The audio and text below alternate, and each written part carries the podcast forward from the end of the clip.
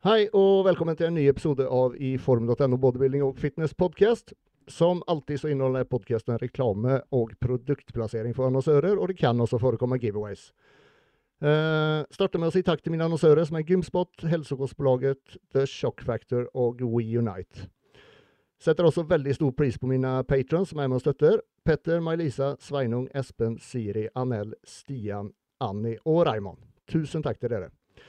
Om du har lyst til å være med og støtte meg i podkasten, du til uh, patron.com uh, slash Andreas Adolfsson, og adressen dit finner du i beskrivelsen av podkasten. Kan også være med og gi veldig god støtte gjennom å trykke like på videoen og trykke abonnere på kanalen. Og så har det vært til veldig stor hjelp om du hadde villet gi en rangering på enten Spotify eller iTunes.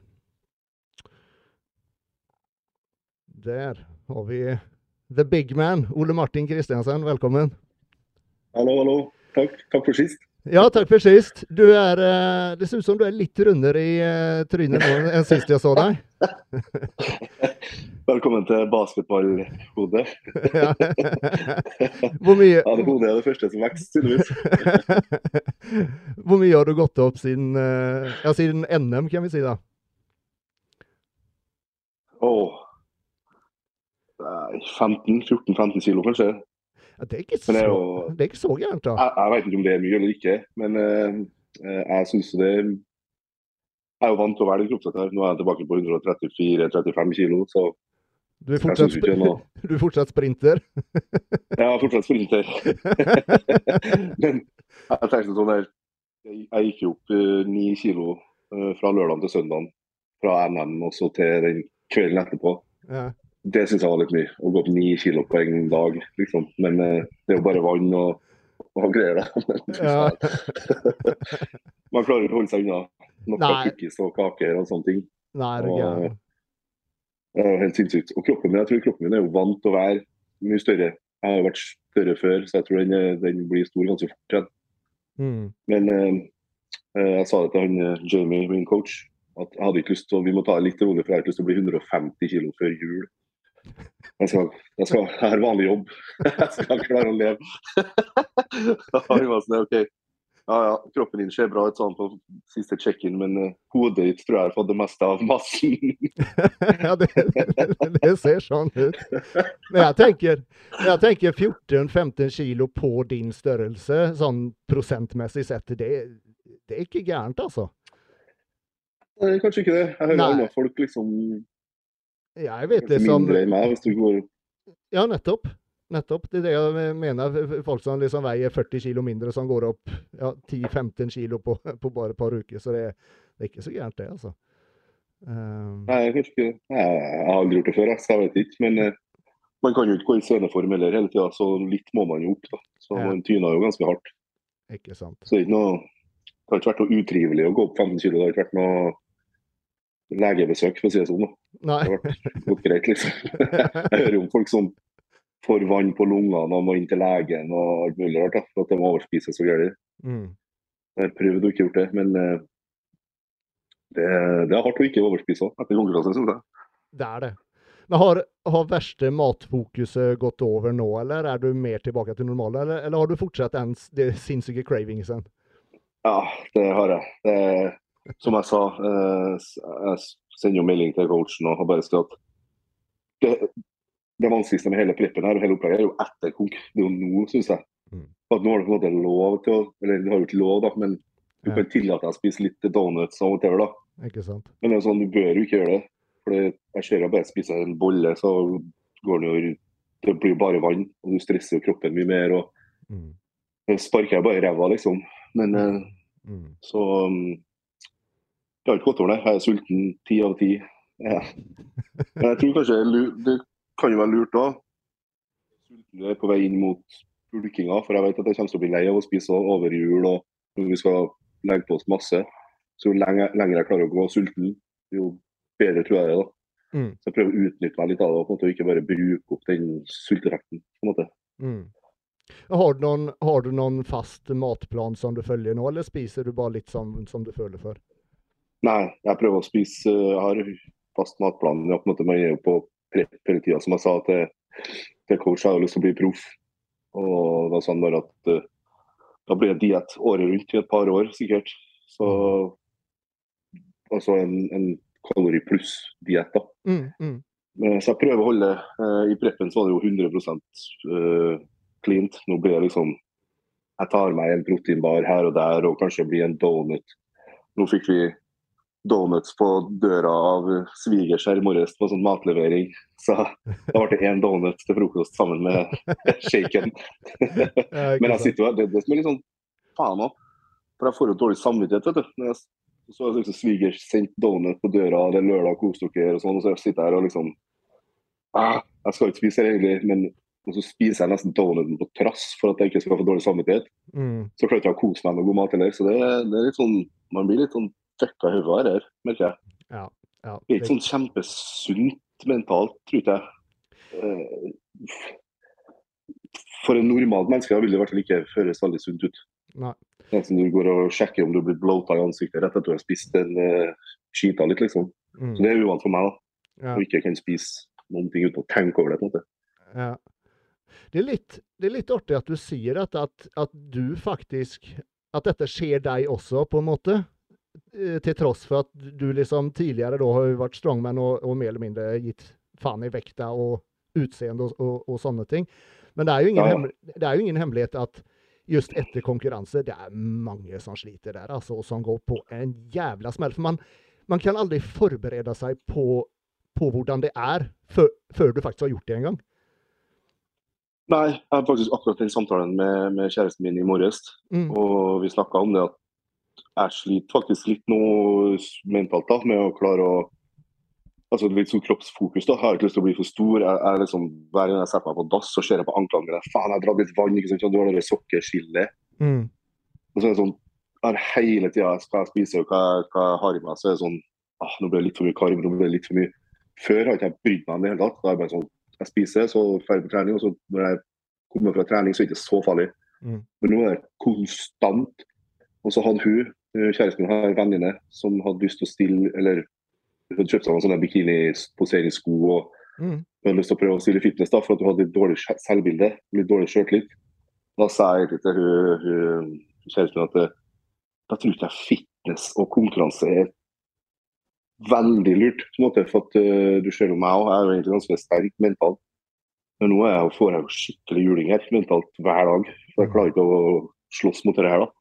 Mm. Så det var mye vanskeligere enn jeg trodde, faktisk. Det post-konkurransegreia. Mm. For uh, du skal være sterk. altså Du skal klare å holde en diett nå etter din 15-12 ukers dietten du har hatt. Brett. Ja. Og jeg har aldri hatt noe sånn spesielt usunt kroppsfokus før, men nå føler jeg at jeg har fått det, da, egentlig. Mm. Men igjen, det går jo hånd i hånd med sporten òg. Du kan jo ikke bare gi faen hvis du skal bli bodybuilder heller, finner jeg ut. Så det er sånn, For et vanlig menneske som sagt, så vil det virke helt sinnssykt. Mm. Men i sporten her så er det sikkert vanlig, da. Men det er noe jeg må venne meg til, ja. Det er helt klart. Mm.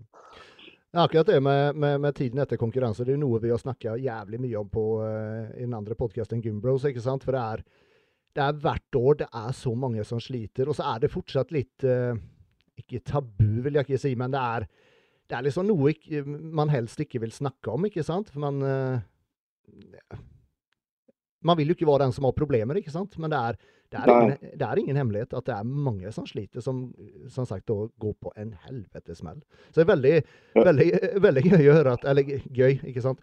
At, å høre at det faktisk skjer deg også. At du faktisk også kjenner på det. Det er uh, Ja, ja. Det sånn, vi hadde jo den samtalen i går vi fortsetter med. Det sånn vi snakker jo altfor lite om, sier hun da, og i hvert fall dere gutta boys, Yes. snakker altfor lite om hvordan dere har det. Så hvis du Mm. har en kollega av meg eh, som har litt sånn, han er veldig ærlig, da, så spurte jeg her på fredag ja, hvordan går det nå? Han bare Det går ikke så bra, altså. Det, er liksom, det går bedre, sa han. Men altså, som regel, hvis noen spør hvordan det går, så sier du bare ja, ja, good. vi er good, liksom. Og så sliter du egentlig. Mm. Men jeg tror det spørs hvilken person du møter på andre sida. Hvis du sier at du sliter eller ikke er så bra i dag, Ja. så bør du få en feedback som er, måte, hjelper deg litt, og ikke bare sånn der folk som gir faen. og Mm. så alle sammen, alle sammen burde ha snakka litt mer åpent og vært litt mer ærlig, tror jeg. Helt klart. Men nå er det jo litt inn og tøft å være hardcore òg. Så sånn, jeg sliter ikke, jeg har ikke det, og dette er ikke noe stress for meg.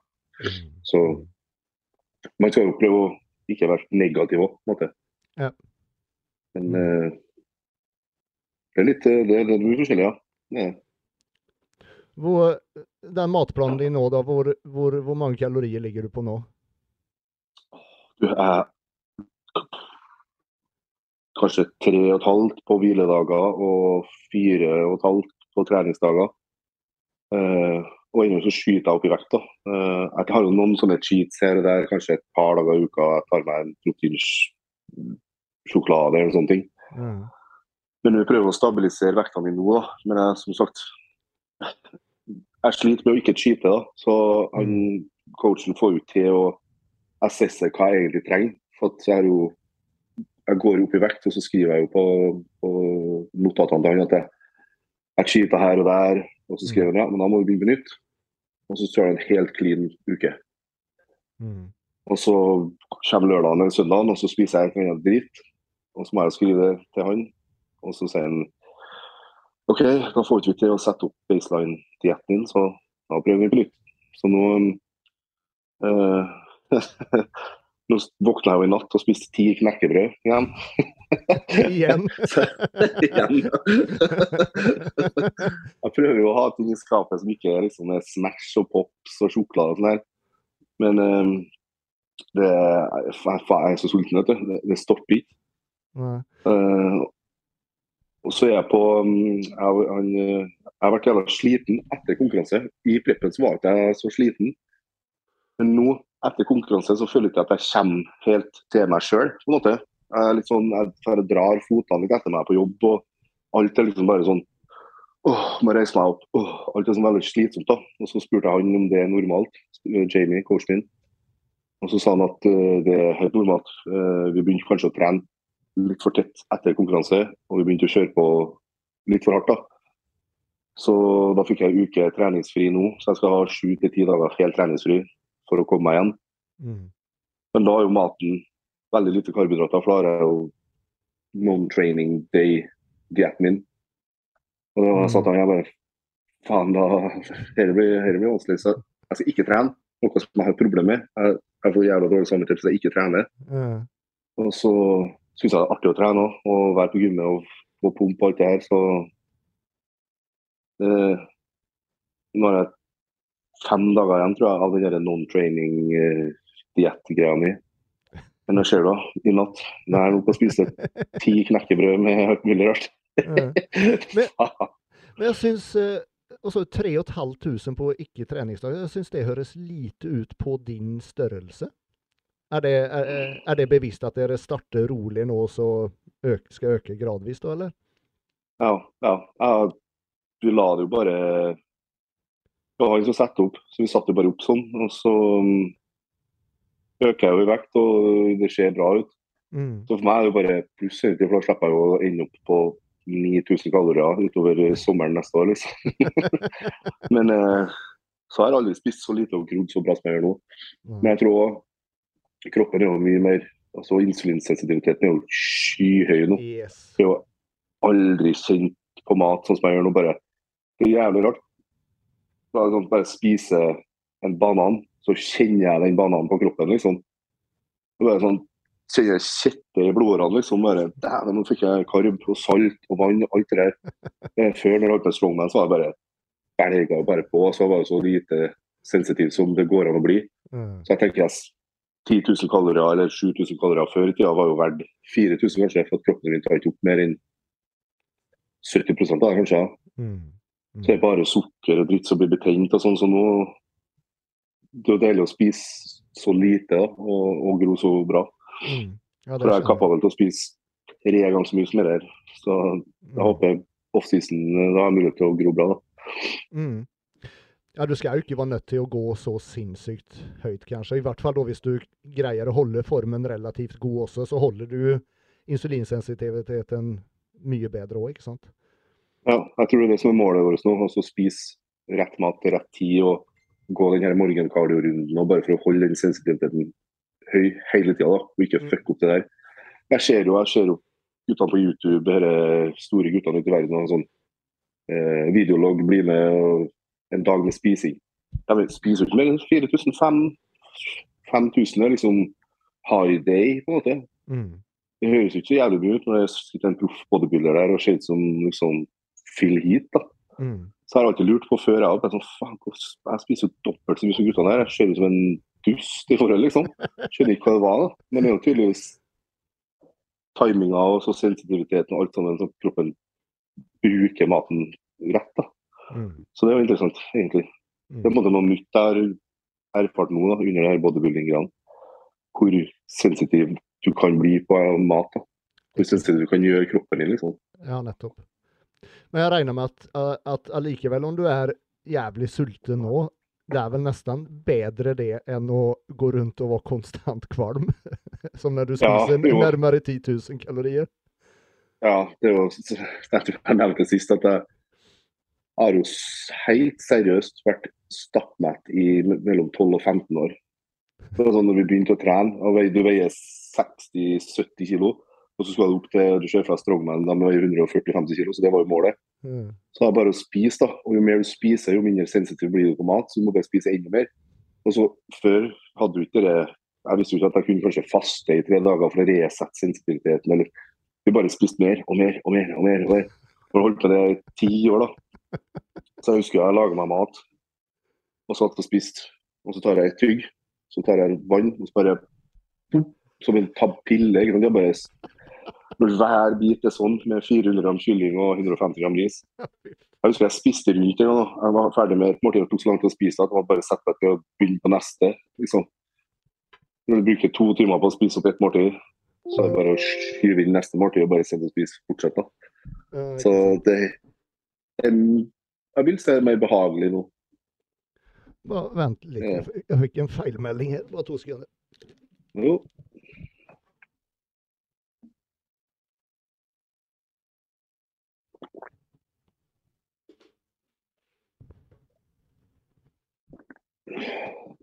PC-en sa fra at batteriet var tomt. Jeg skjønner ingenting. Ai, ai, ai. Hva har laderen, Chris. Ja, den er, ladan är i så det skal ikke være noe problem det. Vi får se. Stopper det så stopper det. Uh, skal vi se. Der. Hvor, uh, I Sandefjord så veide du inn på 121,1 eller annet, om jeg ikke husker feil. En, men i NM så så du enda teitere ut. Kanskje ikke like fyllig, men du var i enda litt bedre form. Ja, eh, jeg var i bedre form. Jeg var faktisk, når jeg kom hjem eh, eh, de to ukene mellom Sandefjord og NM, da var helt nede på 116. Eh, da var jeg jævlig bra form, syns jeg. Og så på stevnedagen på, mm, eh, på lørdagen på morgenen der var jeg så tight som jeg aldri har vært før. Så jeg var kanskje helt nede på 115 kg, tipper jeg. Jeg hadde ikke med meg, jeg hadde glemt av vekta mi, så jeg fikk ikke å sjekke vekt. Mm. Men det, som, det var her det var på en måte var for meg. da. For jeg syns jeg så jævlig bra ut, tørr ut, hard ut. Men vi har jo ikke peiling på Jeg har ikke sjekka hvem jeg konkurrerer mot. Jeg vet ikke om de er store, små, høy, 120 kilo, 90 kilo, whatever. Mm. Og det var ikke Jamie heller, coachen. Så han, vi syntes jeg var for tørr, for flat, for liten. Men det vi ikke visste, jeg var, jeg var jo 20-30 kilo tyngre enn han andre, de andre uansett. Så vi skulle helt klart holdt den tørre, krispe formen jeg hadde på morgenen der. Eh, for det vi gjorde på NM, der vi bomma som faen, på at når vi var på vei nedover og skulle tæne, så hadde vi egentlig planlagt risjeks og den vanlige oppkarvinga på en måte som ikke er så ekstrem. da. Mm. Da får jeg melding av en Jamie. Eh, har du noen cookies, muffins, eh, pizza, burger, whatever i nærheten? Jeg bare eh, OK, ja, vi har en jafs her, liksom. OK, da kjører vi en dobbel cheeseburger og tre store chips og eventuelt en muffins eller noe. Det er sånn, faen, det er to timer til jeg skal på serien. Jeg skal inn og tene, egentlig. Så jeg bare kjøre inn på jafs, få i seg denne maten her, og håpe at vi eksploderer. da. Jeg vet ikke, jeg har aldri gjort det før. Og vi gjorde jo det. på en måte. Det ble mye større og fyldigere. Jeg følte jeg ble litt mer vannete, egentlig. Jeg La seg kanskje litt feil. Mm. Men det som skjedde, og jeg bomma jævlig på, er at den maten i magen den, Du rekker ikke å gå på do for å få ut det der. Mm.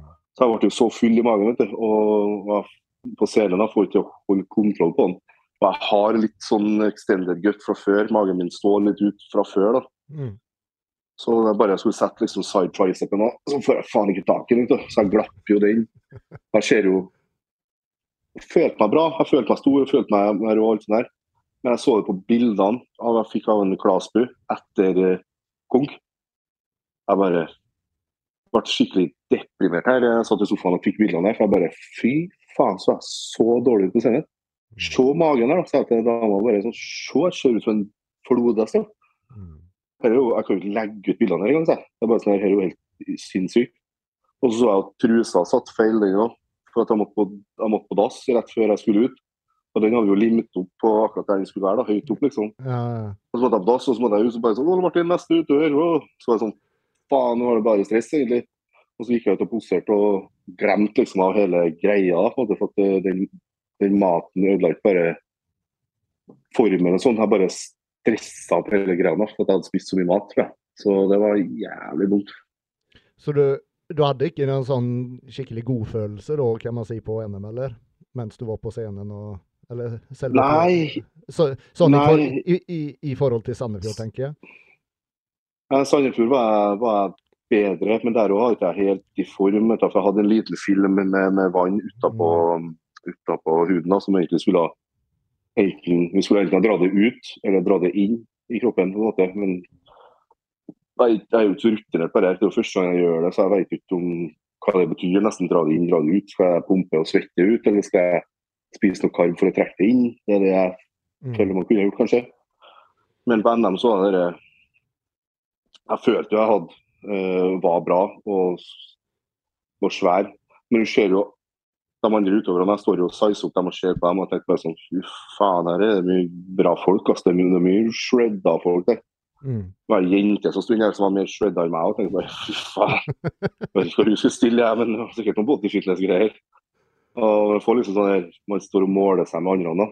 Mm. Og, men jeg fikk jo høre etterpå at jeg var mye tyngre, mye større enn enn, eh, de andre. Da. Og tenkte bare ok, det er en fordel for meg, da. Mm. men tydeligvis ikke i forhold til dømminga. Jeg vet ikke hvordan de dømmer bodybuilding egentlig heller, men jeg fikk høre at har jeg satt friprogrammet mitt bedre, så har det kommet høyere opp. Og så har jeg, hvis jeg har kontrollert magen min, så har jeg kommet, fått mer poeng. Mm. Og jeg har hatt sjanse med tre svære chips og en dobbel cheeseburger. Og jeg har ikke spist noe, har ikke cheata på preppen i det hele tatt. Så plutselig får du det i magen, og bang, du eksploderer. ikke sant? Ja, ikke sant. Så, men erfaring, tenker jeg. Eh, Mm. da vet vi det til neste gang. Alt må jo erfares. Det er jo sånn i Strongman når jeg begynte å Jeg har jo dratt til utlandet og, og preppa i 15 uker og, 20, og kommet på sisteplass, liksom. Og bare bretter meg ut helt. Så det er sånn Så lenge man klarer å håndtere eh, andreplasser og tap og dårlige prestasjoner mentalt, så er det jo bare erfaring, tenker jeg. All erfaring er erfaring. Så det trenger ikke være en Nesten bedre å få en negativ greie, for da vet du hva du ikke skal gjøre enn å bare flyte, liksom. Jeg tror kanskje jeg fløyt litt på den Sandefjord-seieren og bare faen, det er jo pisslett, det er jo knuser dem. Så, ja. Så får jeg litt hardere konkurranse, og så er plutselig er ikke så er ikke så bra likevel. Nei, nei, ikke sant.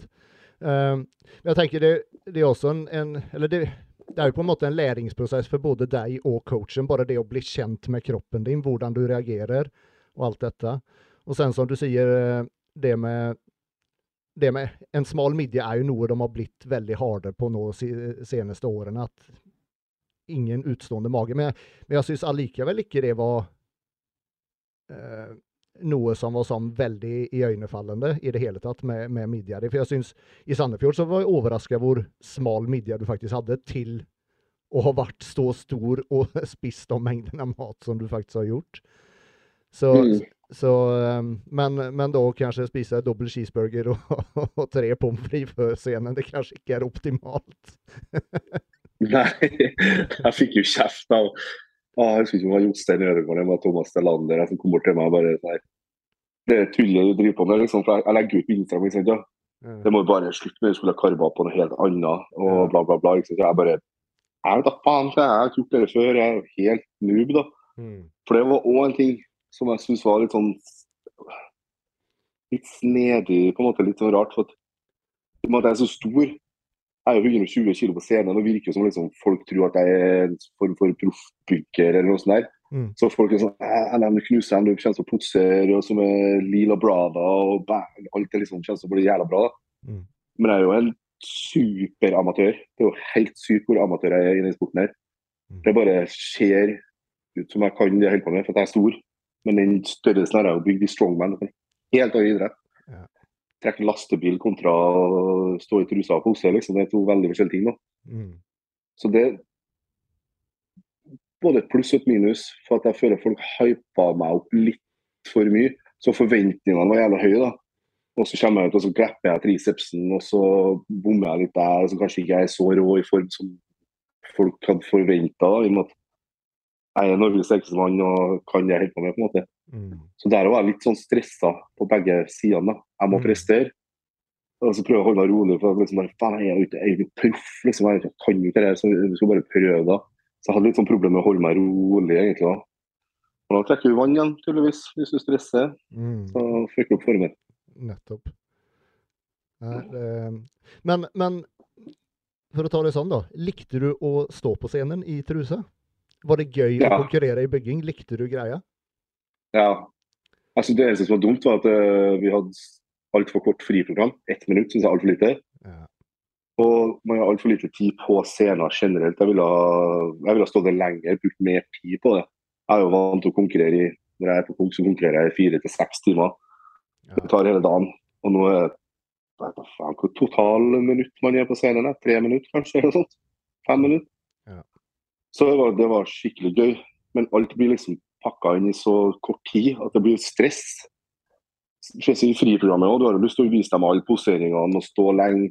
Men du må liksom bare, i og med at du skal gjennom alle sju manatories, så må du liksom sette dem fort. Og bam.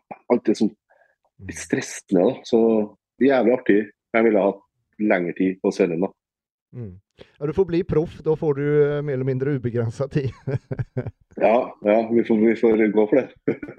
Ja. Savner du, savner du strongman noen ting?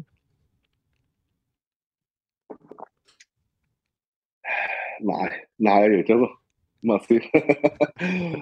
Jo, jeg får jo meldinger hele tida om jeg skal komme tilbake i sporten. og Jeg fikk jo wildcard til NM nå, som går i desember. Ja.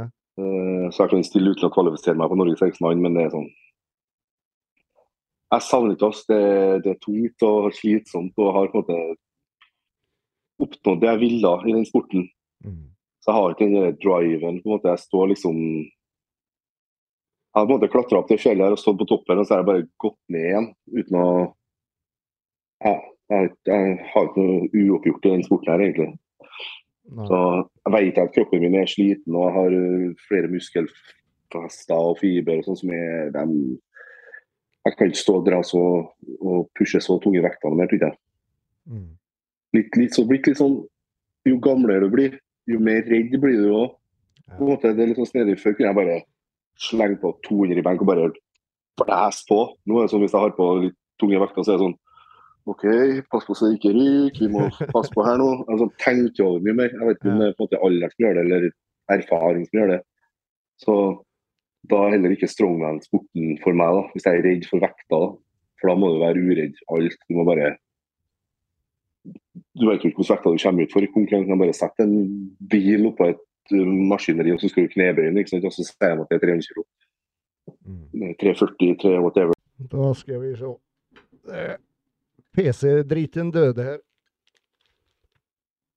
Men eh, jeg tror jeg har fått eh, orden på det her nå. Skal vi bare tilbake til Ole Martin. Ah, Fy faen, det skal alltid ha noe. Vi kan kjøre reklame imens.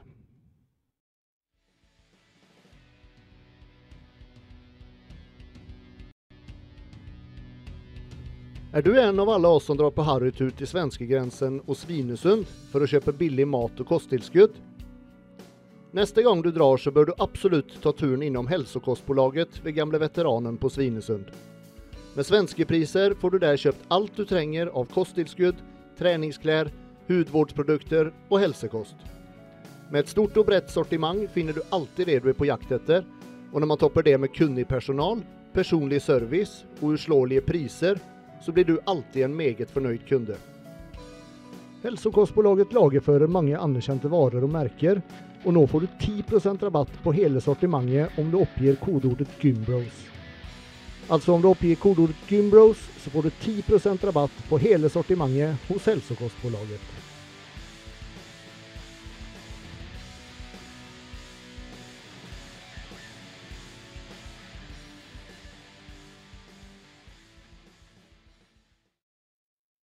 Hører du meg? Ja, Yes. hører, du- hører du meg? Ja, sånn. Da skal vi være eh, tilbake her. Beklager, eh, jeg skjønner ikke helt hva som eh, skjer her. Det må være et eller annet med min lader, så jeg får bare håpe at, at det funker nå resten av tiden her. Det er, det er første gang jeg har hatt disse problemene, men en gang skal jeg alltid være den første. Det er vel sånn vi lærer. Ja, ja, selvfølgelig. Eh, det jeg eh, Det som jeg hadde tenkt å spørre i stad, før det alt stopper her, det var eh, Du sa det er eh, Norges sterkeste mann nå i desember. Om, om du hadde villet om du hadde villet å bli med, hadde du klart å, å gjøre deg konkurransedyktig på den tiden som er igjen? Ja, ja, ja, det tror jeg. Okay. Sånn inni hodet med Jeg har ikke klart å vinne den konkurransen, faktisk. Ja. tror jeg. De er sterke, guttene som er med nå, selvfølgelig. Eh, de to som er på en måte favorittene, det er en kompis av meg. Mm. Kristoffer Losen heter han. Han er svinsterk nå. Eh, og så er det en annen, en Jonas Baten, en annen som heter han er ganske sterk. Men han er også blitt ganske lean og tynn. Da. Men sånn som meg òg. Jeg, jeg er sterk ennå. Jeg, jeg er like sterk som jeg var før, egentlig. Det er bare at ikke jeg nervesystemet mitt er på en måte ikke trent mot å takle så store vekter. Mm. Men musklene mine er like sterke ennå. Så hvis jeg bare hadde en oppkjøring på et par måneder, åtte uker, mm. så er jeg like sterk som jeg pleier å være toppsterk igjen. Og hadde, det hadde vært tøft å, å vinne den nå rett etter man stilte i bygging, så jeg tenkte på det. Men på en måte, når jeg blir litt sånn, tenker logisk og rasjonelt igjen, og tenker sånn, jeg, du har tre titler fra før, du trenger den fjerde. Mm. Og det blir bare på show, liksom, at jeg blir med. da. Og jeg har ikke lyst til å ofre noe bodybuilding-tid og offseason nå, og kanskje potensielt skade meg, da, for å bare bli med igjen. da. Mm. Men jeg tror jeg kunne ha gitt dem run for the money, ja. Det tror jeg. Det er ikke sånn at bodybuilding-greia her har tatt noe styrke fra meg eller noe. Jeg det er ganske sterk ennå, ja. Jeg bare Mm. tør ikke å bruke det helt. Nei, jeg skjønner. Og du har jo, eh, Mm. som, som du fortalte sist, du har jo eh, revet av brystet en gang tidligere også, så Ja. du, du, vet, du, du vet hva som kan skje, liksom. Ja, og så tar det lang tid å bli sterk. Eh, Men for, hvis du har 400, 400 mark, du har 400 mark hele året. Du kan jo faen meg 300 kan være tungt på trening noen dager. Mm. For at det sentralnervesystemet ditt er jo ikke vant til de vektene, så det må bygges opp over tid. da. Så jeg kan liksom bare eller siden jeg har hatt nesten 300 kg benkpress, jeg kan ikke bare rekke av 250 kg og senke det. Jeg tror ikke jeg får til å ta av 250 kg en gang nå. For Mm. de vektene blir så tunge. da. Mm. Så det må bygges opp med, med, med et ordentlig treningsprogram og, og gjerne coaching da, for å bygge opp det systemet sin, sin toleranse på, på vekta. da. Men Mm. på, på to måneder skulle jeg rukket det, ja. Mm. Men sånn, du sier du er, du er fortsatt sterk på en måte, men trener du fortsatt jævlig tungt? Eller, eller hvor mange repper og sånt ligger du generelt på nå? Jeg vil ligge mellom 8, 12 og 15, egentlig. 20 på beina eh, noen gang. Mm. Så jeg, vet, jeg vet ikke hvor tungt det er, da, men eh, jeg trener jo til, eh, til failure, altså til um, teknikk-failure. da. Mm. Jeg står ikke og rygger opp vektene på en måte i knebøy og sånne ting, men eh, det er sånn som knebøy. Jeg kjører alt fra 180 til 220, kanskje. eh, sånne ting. Mm. Så jeg, jeg føler ikke jeg får trent på noe mye lavere vekt heller. Da blir det bare pumping igjen, så jeg må ha litt vekt. Mm. Eh, noen øvelser er jeg bedre på enn andre, da. men eh, skulderpress i smitt det kjørte jeg nå repper på 160 kg eh, før vi kjørte prep, egentlig. Og så tar jeg heller bare av vektene når preppet begynner for kroppen begynner å bli så tørr. og Man kjører gjerne noe, kanskje noen noe varer og noe opplegg som tørker ut kroppen litt. da, Noe antiøstrogent og sånn, så da tør ikke jeg å klemme på like hardt. da. Mm. For at jeg kjenner det knitrer i skuldrene liksom, når jeg kjører, hvis jeg kjører for tungt. da, Helt i bunnen så er det sånn Å, dæven, nå er det langt ifra at det, det, det er ferdig. Så Uh, prøve å trene ikke altfor tungt. Men det er så vanskelig òg, for siden jeg har vært så sterk før, mm. så kanskje kroppen min krever mye vekt for å vokse òg. Der er jeg litt usikker egentlig på om jeg, jeg må trene tungt fordi jeg er så sterk, eller om jeg kan holde vektene lave og bare Jeg får jo trent på 100 kg i skulderpress heller, på en måte. Det blir for lett. da. Det ja. Men det er, jo, det er jo også en ting eh, just som i bygging då, det, man kan ju på en måte gjøre en, en vekt tyngre gjennom å f.eks. at du holder igjen på nedveien, ikke sant? Mens i, i strongman da, så er det jo om å få vekten lettest mulig. Så man kan jo si at det er mm. liksom litt tvert imot, da. Ja, og det, det er noe jeg måtte ha stilt meg om helt. Det samme hvis vi kjører benkpress. Jeg er vant til å bare ta av, og så kjører vi bare skuldre, triceps, alt sammen samtidig. Bare få vekta opp. Ja. Mens nå er det f.eks. benkpress. Nå skal vi bare bruke kassa. så Det er vanskelig for meg å ok, nå skal vi stramme der, så vi stretche her. Så det er sånn omstilling. altså det er som du sier, eh, Vekta blir mye tyngre når du gjør det sånn. Når jeg bicepskøla før, når jeg hammerkøler 50 kilos manualer, liksom, mm. så er det litt sånn hiv og hoi og sleng, og det er litt skuldre og det er litt underarmer og sånne ting. Nå tar jeg gjerne litt lettere vekta og bare biceps. Det er bare den sånn, sånn, Det er jo helt klart Jeg må bruke lettere vekter. Men jeg blir litt sånn mindfucked av det òg. Det, sånn, det kjennes så jævla lett ut da. jeg, kan, jeg, får ikke helt den failuren jeg vil ha. da. Ja. Uh, jeg skjønner. Det er en fordel eller en, en ulempe å være sterk og så gå inn i en annen sport. da. Det mm. kanskje ikke krever så mye styrke, egentlig. Mm. Uh, ja, bare ett spørsmål som jeg tenkte på tidligere i dag, sånn i, i, i forhold til strongman. da. Uh, du har jo blitt da, Norges sterkeste mann tre ganger, men som du da nevnte sist gang, du, du, føler ikke at du har noe mer å oppnå her, og sen da å faktisk konkurrere på neste nivå, da, som er verdens sterkeste mann, at du egentlig ikke har At du har, kanskje ikke har det som som kreves akkurat nå, i hvert fall. Og, og sen hva, hva, det faktisk krever å gå dit. Men om du på en måte hadde tatt hva skal jeg si, alle, alle Eller gjort alle ting som du muligens kan gjøre for å prøve å konkurrere, hadde du, hadde du greid å komme opp på det nivået der? Eller er det I strongman? Ja, eller, eller må ja, man på en måte for, Just om man må må du på en måte være et unikum som f.eks. Haftor, eller å, veie 200 kilo? Nei, absolutt ikke. Jeg kan egentlig fortelle eh, dere som hører på, hvorfor det ikke Det jo en grunn til at jeg ga opp strongman og egentlig i den perioden der ikke Jeg følte ikke jeg kom noe videre.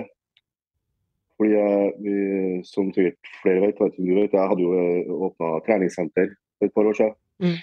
Og når vi åpna det senteret, så var det på at ok, nå skal jeg satse strongman fullt. Nå er det bare strongman, så jeg slutta jobben min. Det er bare gym. Og så hadde vi noen uærlige eh, partnere med oss fra starten av, så vi gikk i konkurs det første året. Eh, gjorde vi Så vi fikk ut de partnerne, og så starta vi et nytt AS og begynte på nytt. Eh, og med da en personlig kausjonsavtale på det leasa utstyret på en to-tre millioner så da på en måte skriver vi på en måte dette må gå. Vi må gå rundt, hvis ikke så er jeg personlig konkurs. da. Mm. Så begynte vi det året på nytt. igjen. Og da hadde de faktisk vært inne og sletta medlemslistene våre. Vi hadde 190 medlemmer, tror jeg, så vi gikk i null. Uh, de gamle partnerne hadde vært inne og sletta medlemslistene våre uten å ha muligheten å få dem tilbake igjen. Så vi starta det nye selskapet vårt med null inntekt. Så det er egentlig bare minus, minus, minus. minus, minus. Jeg har egentlig bare drevet gym i minus og prøvd å hatt inn penger, få det til å virke, få det til å, for å betale og, og holde det gående. Det er en jævlig lang historiekort. Mest økonomisk, egentlig, at jeg ikke har fått til å dra det videre. For uh, jeg har ikke hatt Jeg har fått uh, hadde ingen penger. Hadde ikke noe penger. Jeg bare, eneste klærne jeg gikk i, var konkurranse-T-skjorta det sto Kristiansen på. Jeg hadde jo Fikk avslag på havregryn en gang. Hva faen koster det? 19 kroner på kortet, liksom. Bare Nei vel, da må vi spise eh, det vi har. Så på preppen min mot Norges sterkeste mann 2019, tror jeg. Da, da, da husker jeg jeg var på jobb. Jeg jobba rotasjon, så jobba turnusarbeid. Og så fikk jeg, fikk jeg, fikk jeg lønning. Fikk en 35-37, tror jeg, eh, inn. Og så hadde vi en regning på hadde vi en regning på gymmet som var på rundt den samme summen. Og så var det ingen som hadde mulighet til å betale. Vi hadde ikke penger på gymmet, ingenting. Og da bare Nei vel, da må jeg betale. da. Dag én jeg får, eh, får lønn, så får hele lønna ut igjen. Jeg har ikke mulighet til å tjene mer penger. Så da satt jeg her med jeg tror jeg hadde igjen 600 kroner sånt på en måned. Så da ble det sånne to kroners rundstykker på Rema 1000 og sånn resten av den preppen. Og sånn salami, dansk salami. Uh. Og det er jo ingen i det fuckings landet her som er villig til å sponse en idrettsutøver i den idretten her. Mm. I verken bygging eller mm. Og hvis vi får spons, så får vi ei jævla T-skjorte eller en utgått boks med kreatin. Sant, ja? Det kan jeg kjøpe meg sjøl. Men det er faen sant. Gi meg ett menneske da, som har ø, økonomispons av et eller annet firma. Det finnes jo ikke. Og det er sånn Vi har lyst til å gro sporten, vi har lyst til å gro fram utøvere. Men det utøvere trenger, det er ikke T-skjorta, for faen. Det er ikke det er litt økonomihjelp. Da har jeg, hvis jeg har fått litt hjelp i den perioden der, og kunne ha backa av og bare levd Jeg trenger ikke mye heller. Jeg kan betale husleia mi litt og litt mat, og kanskje fått litt hjelp på kosttilskudd f.eks. Så har, man, har jeg kunne vært, klart vært topp ti i verden i strongman. Og når du er på topp ti, Mm. så kan du havne på sjetteplass, fjerdeplass, åttendeplass når du er med i en gruppe her. Så jeg var helt klart sterk nok og god nok til å være der.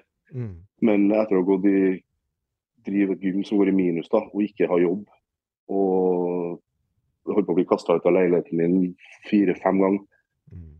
så kommer korona, og så kommer Nav, og så skal de ha pengene sine. og sånn. Fy faen, for et økonomisk drittliv jeg hadde, egentlig den, den perioden jeg holdt på med strongman. Det er noe som jeg ikke snakker snakk om folk om det. Mm. Mm. Man vil jo på en måte hvis man har kontroller, men eh, absolutt hadde Jeg ligger ti år bak økonomisk enn dem på min alder, da, på en måte. Mm. For jeg spytta alle pengene mine alle sparepengene mine og lånt penger, whatever, for å betale regninga på gymmet. Mm. Sånn når du har satt så mye kausjon privat, da, to millioner Jeg har ikke råd til å gå konkurs hvis jeg får en regning på 50 000. da. Rekker opp hånda som vil betale? Nei, ingen. Nei vel, da må jeg faen meg ordne det sjøl, da. Da må man bare jobbe og betale alt det der pengene der. Mm. Og premiepengene fra verdens sterkeste mann var en liten 50 000 rett i gymmet. Rett i gymmet hele tida, hele tida. Helt til vi på en måte fikk betalt ned det meste og til slutt måtte bare slå over konkurs for at vi ikke klarte å drive her mer. Mm. Så vi fikk oss ut av det til slutt. da. Så det, det gjorde vi jo nå i januar uh, i år, egentlig. Så det er først i år global økonomi, egentlig. Jeg ser hvor jævlig enkelt det er hvis du har litt penger. Faen, det er å kjøpe seg kylling, da. Kjøpe seg avokado. Tenk deg over det engang. Mm. Herregud, hvor enkelt, liksom. Jeg mener at strongman-perioden min har vært jævlig unødvendig hard for at jeg ikke hadde, ikke hadde økonomi, egentlig. Så det er irriterer meg litt. Du har bare én sjanse på livet. på en måte. Du har bare én one shot. da. Mm. Så fra jeg var 20 til jeg var 27, liksom, så har jeg bare hatt jævlig dårlig økonomi. da. For at jeg har vært tatt, tatt risikoer. Jeg er jo sinnssyk på å ta risiko. Ja, eh, jeg går jo fullt ut hvis jeg skal gjøre noe. Så tenker jeg bare fuck det, da tar vi regninga etterpå, og så kjører vi på nå. På en måte Det er liksom Faen, det blir du kan ikke overtenke ting heller. Og med gymmet her så var vi bare jævlig uheldige, egentlig. Alt det som kunne gå galt, gikk galt. da. Mm. Eh, det gjør det ikke neste gang jeg åpner treningssenter. Da, har jeg full kontroll. Så nei, for å svare på spørsmålet, da, jeg, jeg kunne godt ha vært eh, topp ti strongman i verden. Ja. Det ble veldig dårlig lyd på deg. Det skurrer. Jeg vet ikke om det er dårlig tilkobling på et eller annet. Det er litt dårlig batteri på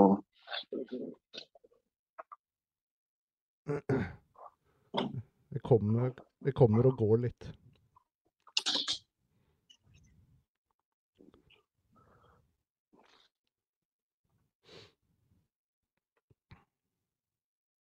Er det bedre nå? Eh, ja, akkurat nå. Vi prøver. Ja, det var telefonen min som gikk i sparemodus her. Å ja. Jeg satt i, satt i strømmen. Da får vi ta en del. Ja, det kan ha vært det. Um, ja, nei, som du sier, det er egentlig helt tragisk når man ser på deg, da. En, en ordentlig toppidrettsutøver ikke skal kunne tjene en krone på sporten. Eller, eh, Ingenting. Det Nei. bare koster penger, liksom. Det er sånn det er helt bare når jeg jeg er Norges seksmann, jeg har invitert til Vinstra eller Fjørfjord høyfjellshotell. Vi skal ha Norges seksmannkonkurranse. Mm. Jeg og kjæresten min skal oppover. Det koster 12 000 kroner å bo på hotell. Og det er bare latterlig. Du får ikke gratis hotell. Du vinner jo ingenting. I 2018, eh, første gang jeg vant, så fikk jeg høre fra arrangøren at bare Jeg spurte om det var noe pengepremie her, noen mulighet til å få noe pengepremie. For vi må faen meg til eh, Hammerfest nesten for å konkurrere. Eller Tromsø, eller hva faen det var. ja. Betale tre fly, betale alt sammen sjøl. Det er jo Billett til USA er jo billigere. ikke Nei, får ikke ei krone i spons, ikke noe premiepenger. Jeg fikk to brett med Noco. Det jeg. Og så spurte jeg bare hva faen, jeg drikker ikke Noco engang. Så arrangøren var liksom bare sånn her Ja, det er mye bedre å få noe du kan bruke, da, i stedet for å bare få penger som man bruker på alt mulig annet. Mm. Jeg bare bruker på alt mulig annet. Hva faen, det koster jo Idretten her er sinnssykt dyr. Det er en jævla dyr idrett hvis du skal gjøre det rett. da. Mm. Det sånn, sånn som bodybuildinga her òg. Den preppen jeg hadde nå mot begge konkurranser, med innmeldingsavgifter og truser og poseringsdill og mandelsmør Faen meg koster mandelsmør koster 200 kroner. Altså en liten boks med mandelsmør, liksom. Ja, helt sjukt. Det er faen meg helt sjukt. så Jeg sier brukt 100 000 kroner på å stille i bodybuilding nå. Mm. Steroider er gratis deler. Det er jo sånn folk som glemmer. Ja, dra 400 markis. Er du klar om to uker, eller? Mm. Nei. Eller sånn, er du klar hver konkurranse til å dra 400 mark, f.eks.? Nei. Helsa mi er ikke klar for det heller. Mm. For det kreves mye mer enn folk tror. da. Det er ikke bare å spise potet og kjøttkake og, og trene. Det er dyre idretter, i hvert fall hvis du skal gjøre det 100 For at, sånn som du sier, Man er jo proff idrettsutøver Mm. uten noe som helst. Jeg har ikke noe smøreteam eller noe buss med, med laghjelp bak meg. Jeg er jo helt alene. Og det er ingen som er villig til å sponse verken økonomi eller så vidt folk har proteinpulverspons. Med mindre du har 100 000 følgere på Insta. Mm.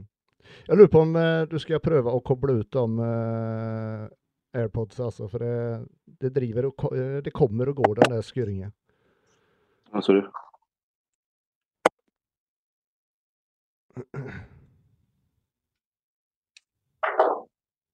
Hører du meg nå? Ja, ja. Mye bedre. Mye bedre.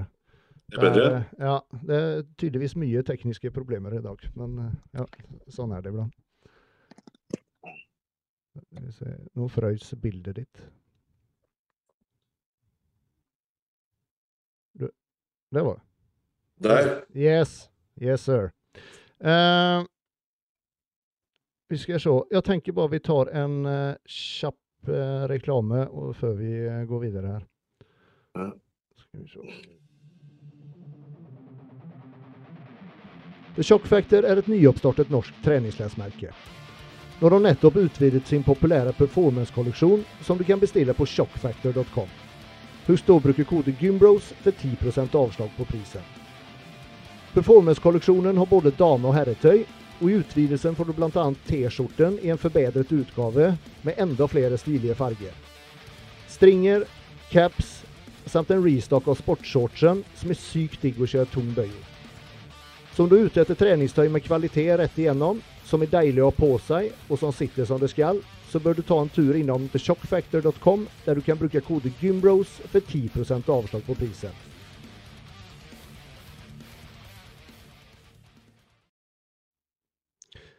Nå, nå eh, eller det du, det du har lyst til å satse på nå, det er jo å bli proffbygger. Hvor lang tid, eh, hvor lang tid eh, kommer du gi til offseason nå, før du neste gang stepper, på scenen? Jeg har jo lyst til å konkurrere mest mulig òg, for jeg, det var sånn jeg gjorde det i Strongman. Jeg, jeg syns konkurranseerfaring er noe av det viktigste. Eh, så planene mine, uten at jeg har snakka med coach om det, er vår, neste vår. Å ja, så, så snart. Så snart. ja, april-mai en gang, men jeg, jeg vet ikke om det er nok, på en måte. Men da får jeg jo noen måneder, gode måneder, halvt år, kanskje off-season. Så kjører vi bare en tiukers prep eller noe, konkurrerer, ser Mm. hvordan vi fungerer, og så er off-season igjen, da. Men jeg, jeg vet ikke om han kanskje vil ha meg et helt år offseason, eller hvordan vi gjør det, da. Men da føler jeg at jeg bruker opp årene mine på bare trening og sånn, så jeg får for lite konkurranseerfaring, da. Mm, mm. Jeg vet ikke helt hvordan man gjør det i bodybuilding, og hvor mye konkurranseerfaringer og tida på scenen og posering og sånn har å si for ja, progresjonen. da. I strongman er det jævlig viktig med, med konkurranseerfaring. Det å klare å håndtere konkurransene og stresset og alt det der er sinnssykt viktig. Altså, jeg ofra heller litt trening for å få konkurranseerfaring. Jeg følte det plasserte meg høyere da, på lista enn treninga gjør. Mm. For det er, mange, det er mange som er store og sterke i strongman òg. Men de klarer ikke å prestere på konkurranse. Så det er jo ikke vits å være sterk. Du, vet, du klarer jo ikke å bruke det likevel. Mm. Jeg er litt usikker på om det funker sånn i bodybuildinga. Ja, jag skulle vel si at det er kanskje litt tvert om, som i ditt fall da, for å komme opp på en profffysikk, da. Det er jo x antall kilo mer du må bygge, ikke sant? I, I og med at du er såpass høy. Mm. Uh, så jeg tenker kanskje i ditt fall da, at det hadde lønnet seg å kanskje ta en litt lengre off-season kanskje kanske ett-to år eller de årene At du får på deg en 10-12 kilo eller hva som nå, ja, hva man tror Ja, krever. Det, det er der jeg tror vi ligger med sånn mellom 10 og 15 kilo, tror jeg. I hvert Ja. fall med ganske ren masse må på. Da. Mm. Og nå vet jeg heller ikke hvor fort jeg får bygd det, men eh, jeg ser for meg tre år, kanskje. Mm. Ja. Ja, du har jo du har jo som vi om før, du har jo det mindsetet som skal til når du først bestemmer deg for en ting Da, og du vet, du vet jo hva som kreves. ikke sant? Og nå har du også da, ikke minst veldig god hjelp av, eh, av Jamie da, som, som i hvert fall vet hva som kreves. Ja. Så jeg vet ikke om det er urealistisk på en måte å, å tenke eh, tre, tre år fram i tid, eller noe sånt, men så er det sånn Jeg har liksom ikke Det der har har ikke kommet på hvor lenge offseason jeg bør ha, egentlig. Jeg burde kanskje egentlig ha snakka med Jamie om det. Mm. I hvert fall for å ha satt planlagt oppi hodet mitt da, hvor lang eh, offseason vi skal ha. Men da Mm. tenker jeg sånn, sånn som du sier, hvis jeg har to år offseason, faen hvor tung er jeg da? så, faen, 155 kilo, liksom.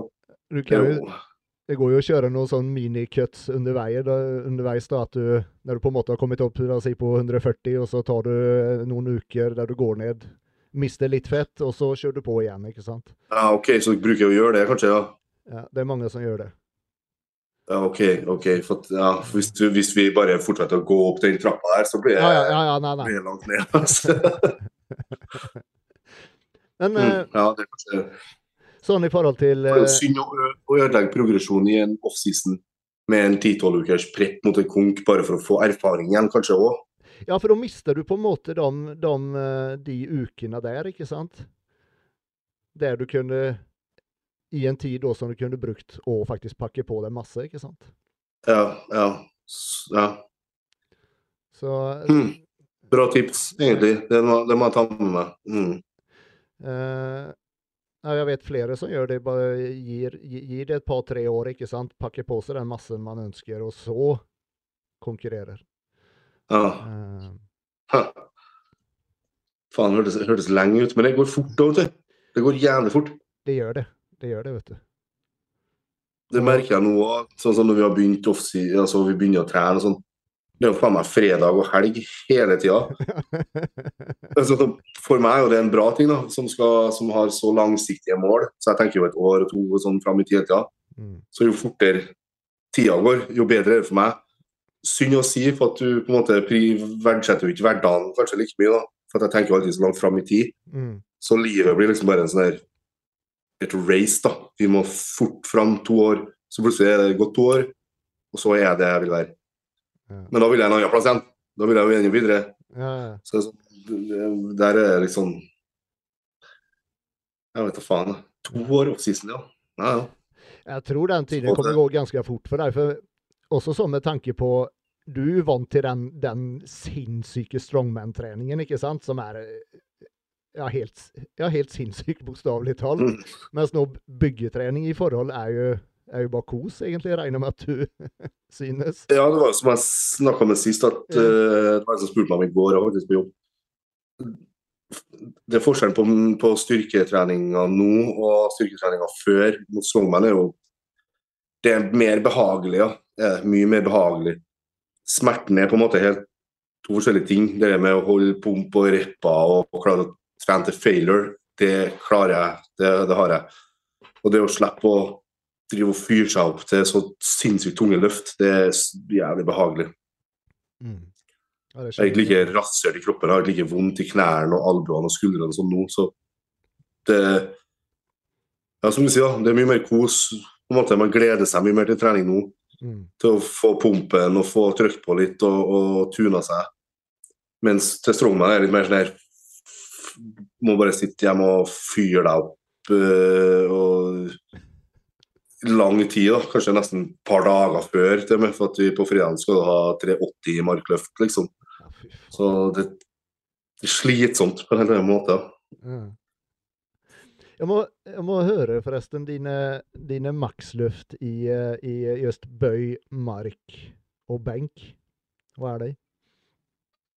Jeg har eh, I knebøy har jeg tatt 340, det er med knebind. Mm. Og i benkpress har jeg tatt eh, 270. Det er bare uten noe drakt, det er bare i singlet eller T-skjorte. Å, fy faen. Og markløft har jeg tatt 380. Det med drakt. Ja. Jeg har tre repper på 350 uten drakt, tror jeg. På mark. Og skulderpress, eh, stå, militærpress har jeg 180 uten å bruke beina. Da. Det er bare stående og rett opp. Bare presse. Fy faen. Den er, den er kanskje det er benkpressen og skulderpressen jeg er mest fornøyd med. Altså mest stolt over. da. Jeg har alltid vært sterk i, pre, i pressøvelser og skuldre og sånne ting. Mm. Så det er på en måte det som har vært mest min greie. da. Mm. Det er så tøft å komme på gymmen, husker jeg før, når jeg kunne. da. Bare legge på 200 kg benk og kjøre 12 repper, liksom. Bare Tolv repper. Fy faen, det er sinnssykt. Altså, det var just eh, pressøvelse, sier du. Det var det som var din ting i strongman. Var det, var det noen øvelser som du sleit skikkelig med, som var veldig vanskelig for deg å bli sterk i? mm. Yoke, hvis det, det er den uh, yoke race, det er den du har på nakken og skal Ja. springe med. Ja. Det, det er sånn øvelse som er bare hvis, Der var jeg amatørnivå på meg. Men det, så, det var så jævlig forskjell fra konk til konk. For at Noen ganger så var liksom 350 kg kjentes tungt ut. Bare sånn, å, Fikk meg ikke over 400, var liksom skamtungt. da. Mm. Men så kom jeg på VM. Da sprang jeg over med 450, og da var det nesten 600 kg igjen. Og. Da var det sånn altfor tunge vekter, men da fikk man faen meg karva meg over med lell. Eh, men det har helt klart vært den tyngste øvelsen for meg. Eh, jeg tror jeg har vært litt svak i, i, mm, i lårene, egentlig. Framsida av lårene. For jeg har hatt jævlig mye kneproblemer. Så jeg har hatt veldig dårlig femoris og, og, og veldig svak i quadsene. Mm. Og når du skal ha 450 kg, og så veier du 150 kg sjøl, så skal du gå opp et bein. Da har du jævlig mye vekt på det ene beinet. Mm. Og når det på en måte er din svakeste, svakeste ledd, da, så ble det liksom bare det ble bare vinglete og jævlig. da, Så jeg måtte gå med ganske strake bein. Og det er vanskelig igjen. Så eh, det Alt av sånne gåøvelser, ta opp ting, eh, i hvert fall når det skal henges på ryggen eller et eller annet. Farmers walk er jo en gåøvelse igjen, men den var, der var jævlig god. Men det blir ikke like mye vekt. Det blir ikke 600 kg, liksom. Nei. Der har du kanskje 120-130 kg i hånda. Da, da springer jeg fort med. Mm.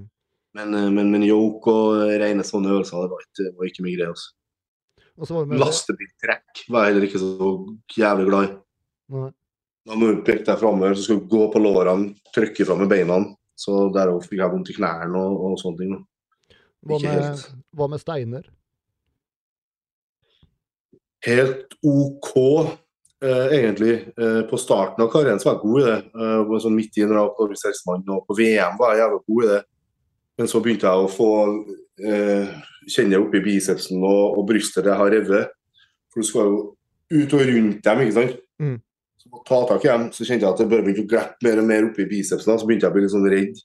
Så tunge steiner fra 180 til opp 200 der, det begynte å bli ganske, det begynte å bli litt tungt for meg. da. Så ikke veldig god stein, i hvert fall ikke på slutten. Mm. Og Apollons vendinger, den tjukke stanga som ligger på bakken, Ja. og så skulle vi vende på magen, Hiven der. Vendingene der, det har jeg lært meg aldri. Det, det, det gjør de narr av meg i strongman ennå. Det er sånn. Så lenge det slipper å vendes, så skal jeg presse det. Alt jeg klarer å, å vende, presser jeg uansett. Men det er kjedelig hvis du har eh, 200 kg i pushpress, og så får jeg til å vende 150 kg engang, liksom. Så jeg hater den øvelsen. Hater det. Ja, det skjønner jeg. Det er på tale Du, du nevner kneproblemer. Hvordan, hvordan er det i, i, sånn i forhold til beintrening i dag? Går, klarer du å trene bein uten, uten noen smerter? Nei, jeg har alltid smerter i knærne. Det er sånn blitt kronisk, egentlig. Så jeg har alltid vondt i knærne når jeg reiser meg opp fra sofaen. Så lager jeg sånne pappalyder. Det knirker, knirker godt i både stemmen og, og kroppen, egentlig. Så jeg, jeg sitter sånn som nå. Jeg sitter og tar meg på kneet nå òg, for at jeg sitter, sitter i ro, liksom. Så jeg sitter og stryker eh, patellascena mi hele tida. Jeg sitter i bil og sånn òg, så jeg flyr, whatever. Men det har blitt så vanlig at jeg, jeg gjør det uten å tenke på det. Men det har blitt bedre etter jeg har begynt med bodybuilding. For nå er det på en måte, får jeg styrka den eh, lårene mine. Og, og, og, og trent litt mer fleksjon og sånne ting. mm, For, for Før så hadde jeg, hadde vondt i knærne, så jeg unngikk å trene. Så jeg trente veldig mye sånn knebøy med brei stance, ned til boks og fram med ryggen. og For å unngå å bruke quadsene. da. Så jeg brukte veldig mye rumpe og, og hamstrings og sånn andre typer muskler. mm, Men nå er jeg jo tvunget til å trene quads, så da må jeg bare begynne rolig og trene det opp. Og da kjenner jeg det mye bedre. Mye bedre. mm. Så det er jo liksom greia, Hvis man har vondt en plass, så er det jo en grunn til at man har vondt.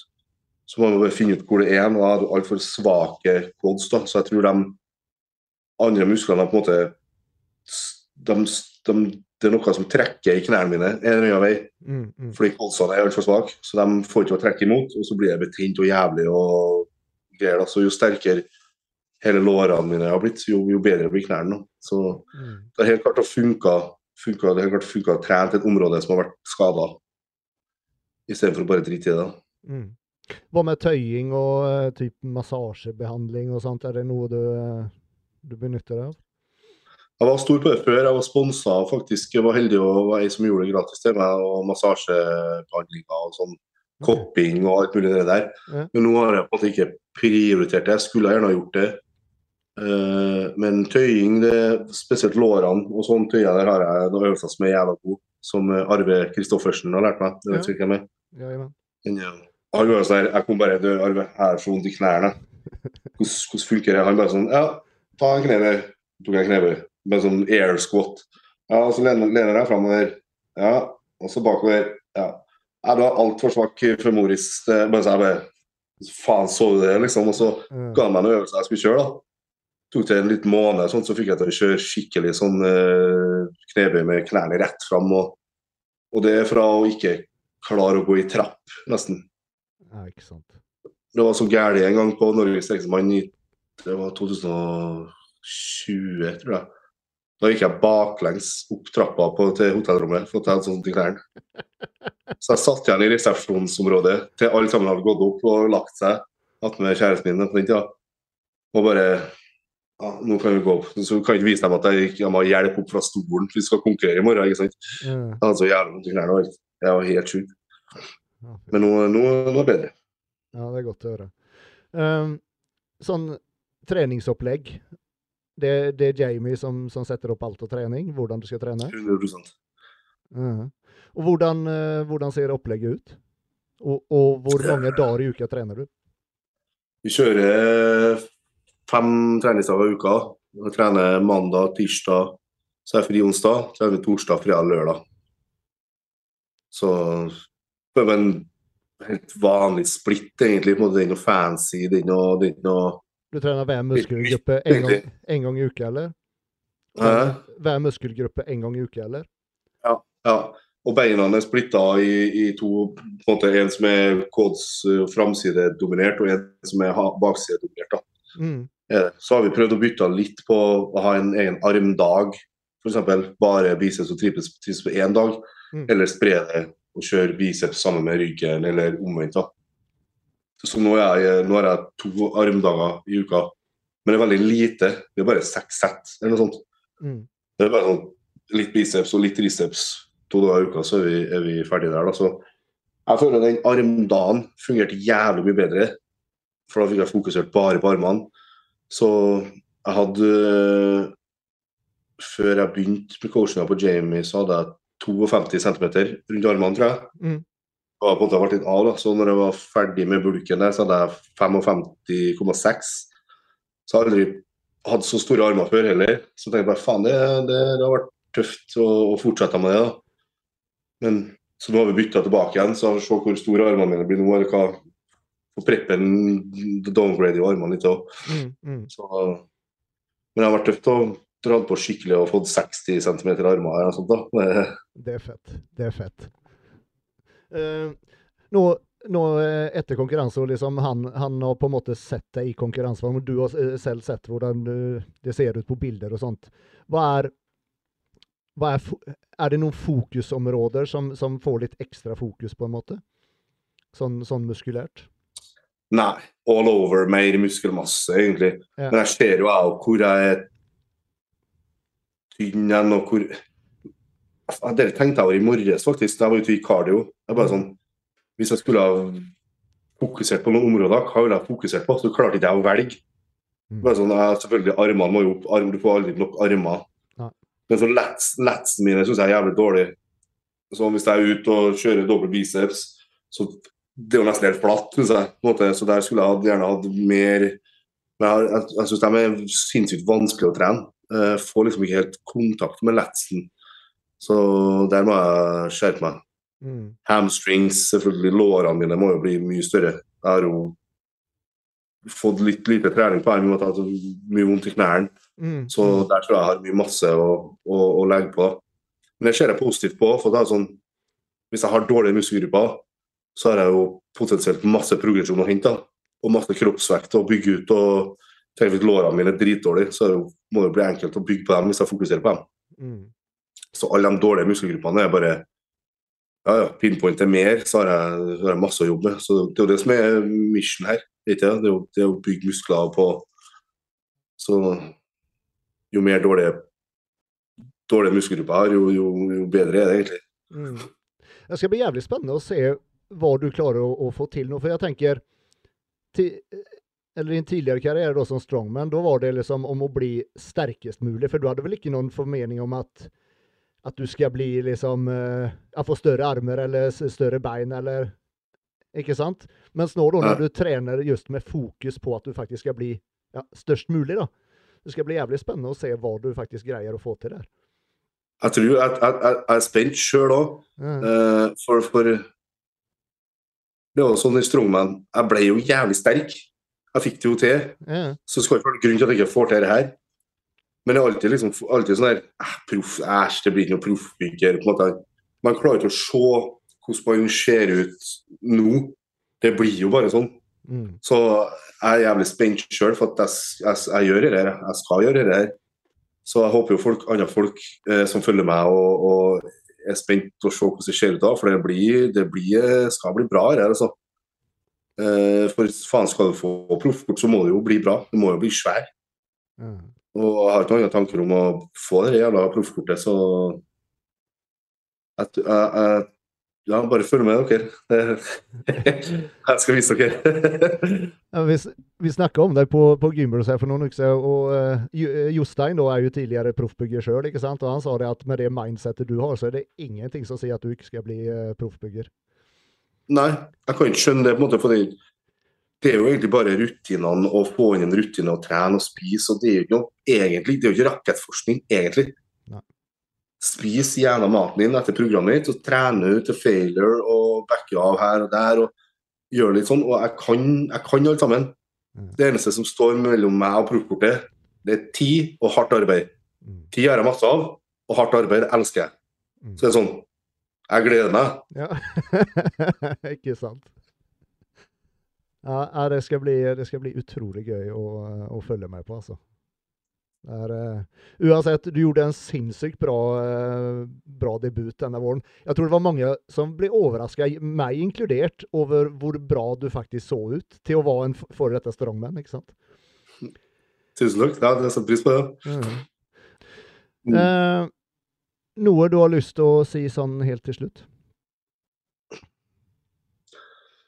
Jeg vet ikke. Eh, til alle som hører på. Tren, kos dere, pass på dere sjøl, og ikke ta mine eh, dårlige vaner og tips og bruk det. Men prøv å lære noe av dette her. Og fortsett fortsette å trene. Stå på. Konkurrere, dere som vil konkurrere. Og holde dere positive som faen. Mm. Og så må jeg bare si til deg òg, eh, takk for at du har meg på podkasten. Og jævla kult at både den her og den, den andre podkasten at dere kjører på. For det, gjør noe med miljøet. Og nå får måte, folk prata litt sammen, og, og det er litt sånn synergi, da. Det, det er jævlig kult. Mm. Så det, det setter vi pris på, tror jeg, alle sammen. Tusen hjertelig. Og eh, tusen takk til deg for at du hadde lyst til å være med, at du tok deg tid. Det Ja, bare hyggelig. setter jeg stor pris på. Så får eh, du får et stort lykke til nå framover, uh, Ole Martin. Så eh, regner med at, eh, at jeg kommer be deg på podkasten igjen. Ja, ja. Jeg, jeg er med. Det er bare å invitere, det. Så skal jeg se om jeg har tid. Eller så lager jeg tid. Det høres bra ut. Du får en eh, strålende god eh, Fortsatt god lørdag. jo, takk det samme. Snakkes. Ha det godt. Ha det. Trenger du kvalitetsprodukter, knallbra service og kjapp levering? Da er Gymspot stedet for deg. De har fysisk butikk i Exhibition i Bergen og sender over hele Norge via nettsiden gymspot.no. De har stort utvalg av protein, PVO, alternativ mat, aminosyrer, treningsutstyr og treningsklær. Og ved spørsmål kan du kontakte dem via gymspot.no på Instagram. Det er nye tilbud hver uke og måned, så følg med.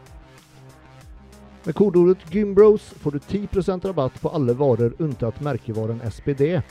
Og nå får du også med en Purple Burn PVO ved alle kjøp over 700 kroner. Altså 10% rabatt når du bruker kodeordet GYMBROS hos Gymspot.